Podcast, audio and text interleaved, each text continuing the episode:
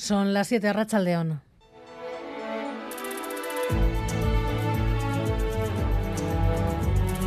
Gambara con Arancha García.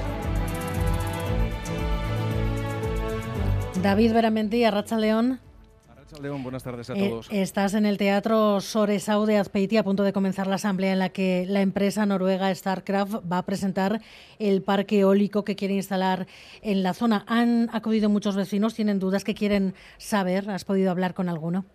Sí, pues sin duda hay mucha expectación aquí en Azpeitia, a esta hora sobre todo, cuando está a punto de comenzar, como bien decías, esta asamblea informativa aquí en el Teatro Soreasu de Azpeitia. Este recinto, para que os hagáis una idea, tiene capacidad para más de 500 personas y aunque vemos alguna que otra silla eh, vacía, prácticamente se ha llenado todo este recinto a esta hora prácticamente lleno. Antes de que abrieran las puertas, de hecho, hemos visto largas colas de ciudadanos queriendo entrar al interior del recinto, algunos convencidos de la bondad del proyecto de parque eólico, otros con más dudas, pero asegurando que en todo caso es el mal menor. Vamos a escuchar alguna de las opiniones. Veo la opción menos mala, porque las otras opciones eh, las rechazo totalmente. Ya sabemos lo que, lo, lo que son las centrales nucleares. Ni hartzalde. Natura eta? Ba, kontra goituk. Baina, zein, zein dara kontra. Betikuak. Pues que no veo ninguna, ningún, ningún misterio en poner en esos eólicos para formar la luz o lo que tenga que hacer, porque claro, hay antenas, hay pues en este mundo que vivimos todo informatizado.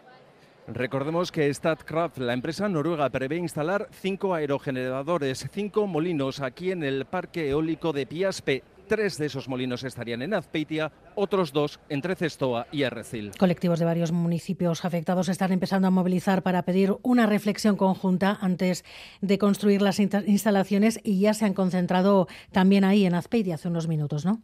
Sí, efectivamente, hay voces en contra de este proyecto, voces en contra que se han conformado en la plataforma Sanyu Bizirik. Eh, bueno, hay que decir que se han concentrado hace media hora frente al Ayuntamiento de Azpeitia eh, y luego ya en manifestación han recorrido todo el, toda la calle, todo el espacio que está entre el Ayuntamiento y este Teatro Soreasu. No han querido hacer declaraciones, querían escuchar lo que aquí se va a decir, han gritado varios lemas, entre otros, Stat eh, Kraft Campo o, por ejemplo, Utzipakean Mendía.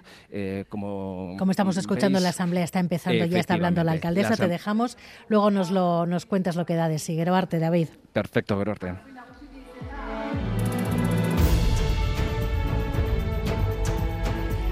StarCraft, que comienza en Azpeitia esta tarde su ronda por Guipúzcoa para explicar su proyecto. El gobierno vasco, en principio, no descarta estudiar fórmulas para colaborar en la financiación de estos parques. La energía, la gran baza de una guerra que amenaza con la recesión o al menos con la sensación de recesión a todo el mundo. El FMI ha rebajado sus previsiones y avisa que lo peor está por llegar. The worst is yet to come. And for many people, 2023 will feel. La nueva RGI podrá cobrarse desde los 18 años. A partir del 1 de enero, la cuantía mínima asciende hasta los 800 euros. Es una de las novedades del acuerdo entre el Gobierno vasco y el Carrequín Podemos, siempre que se cumplan, eso sí, los requisitos. La vicelenda Cari y Doya Mendía aclaraba que no es una renta de emancipación.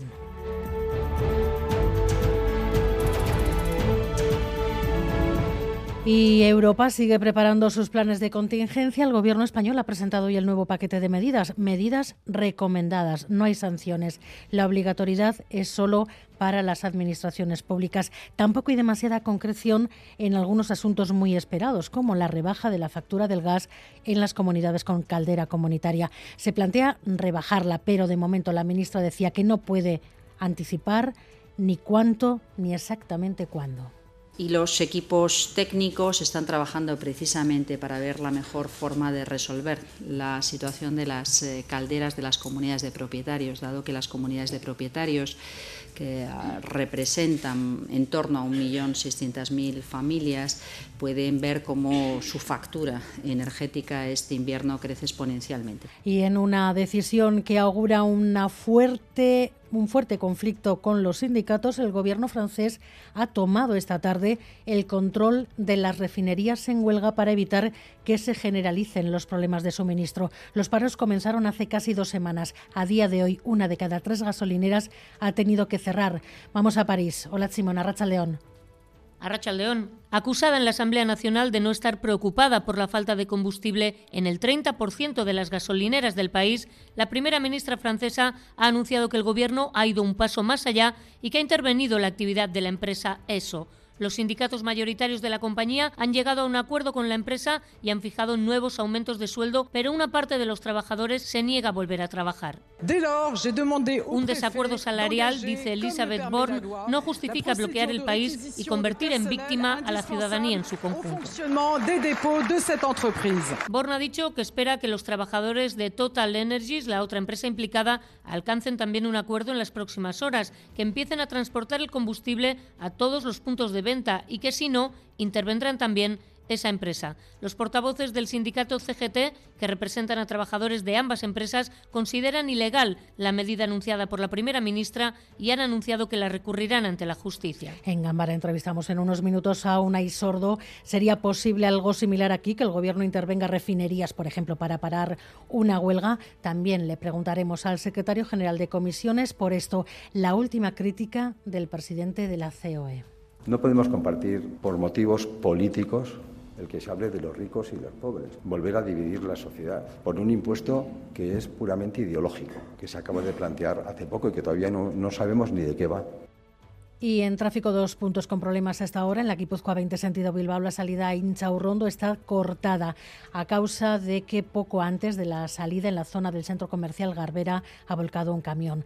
El conductor del camión está herido, los sanitarios le están atendiendo. En principio no parece revestir gravedad, pero precaución en esa Guipúzcoa 20 en la salida a Inchaurrondo porque está en estos momentos cerrada. Y en Navarra, precaución en la autovía de Sacana, sentido Pamplona, a la altura de Arroazo. Hay un camión en el arcén y está echando en estos momentos mucho humo. Y los deportes, Edu García, ¿qué nos traes hoy? ¿Qué tal, pues con un nombre propio, el de Yuri Berchiche, el último inquilino de la enfermería del Atlético. Hoy se ha reintegrado al trabajo con el grupo, que todavía a menor ritmo. El de Zarauz se ha perdido seis partidos de lo que va de temporada, solo jugó los dos primeros por un problema en el talón y ya parece que está eh, al final, digamos, ese túnel de, su recuperación. Parece que enseguida podrá volver a jugar partidos, aunque no este próximo sábado en el choque del Atlético de Madrid. Además, tenemos hoy jornada en la Liga de Campeones, partidos de la cuarta eh, jornada. El Real Madrid va a jugar en Varsovia, en Polonia, contra el Shakhtar Donetsk. La guerra en Ucrania impide que el Shakhtar juegue en su estadio, evidentemente, con eh, el objetivo de sumar el cuarto partido ganado en cuatro partidos, el pleno y el pase a los octavos de final. Y el Sevilla se la juega en Dortmund ante el Borussia. Si no gana, el equipo andaluz está virtualmente fuera de la competición. Bueno, pues vaya momento para tener que jugar un partido de fútbol.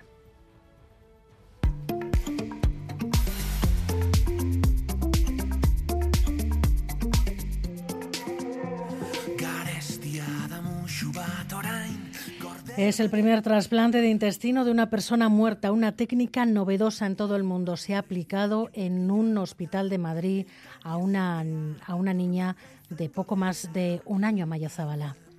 La receptora, Emma, una niña de 13 meses con fracaso intestinal diagnosticado desde su primer mes de vida, ya ha sido dada de alta y se encuentra en perfecto estado de salud.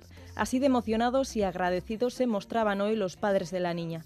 Nosotros estamos encantados, muy agradecidos sobre todo a la familia del donante, a todo el equipo médico, enfermería. Emma tiene una alimentación parenteral, pero ella ya se alimenta como un niño cualquiera de su peso. Hay palabras para agradecer y agradeceros a todos los medios de comunicación porque esto va a ayudar a que más niños se beneficien del trasplante en asistolia de intestino y es que Emma se ha convertido en la primera persona del mundo en recibir un trasplante de intestino en asistolia. Francisco Hernández, cirujano pediátrico del Hospital de la Paz de Madre. Estaba eh, evolucionando de manera exponencial la donación eh, en asistolia, que es la donación después de la parada cardiocirculatoria en España, y nosotros veíamos como para todos los órganos sólidos eh, digamos que la asistolia era una solución a la falta de donantes, excepto para el intestino. Después de elaborar los protocolos, muy poco tiempo después salió el donante. Tuvimos la, suerte de que, de que, ocurrió esa llamada que al mismo tiempo esperan y temen todos los, receptores seguramente y esa llamada nos proporcionó un órgano que era ideal precisamente para Emma. En los últimos años ha aumentado el número de pacientes que requieren de un trasplante y la donación en asistolia representa ya un tercio de las donaciones que se realizan en el Estado. Miguel Ortiz y Jorge Ibáñez están en la dirección técnica, Cristina Vázquez en la producción. Gambara, con Arancha García.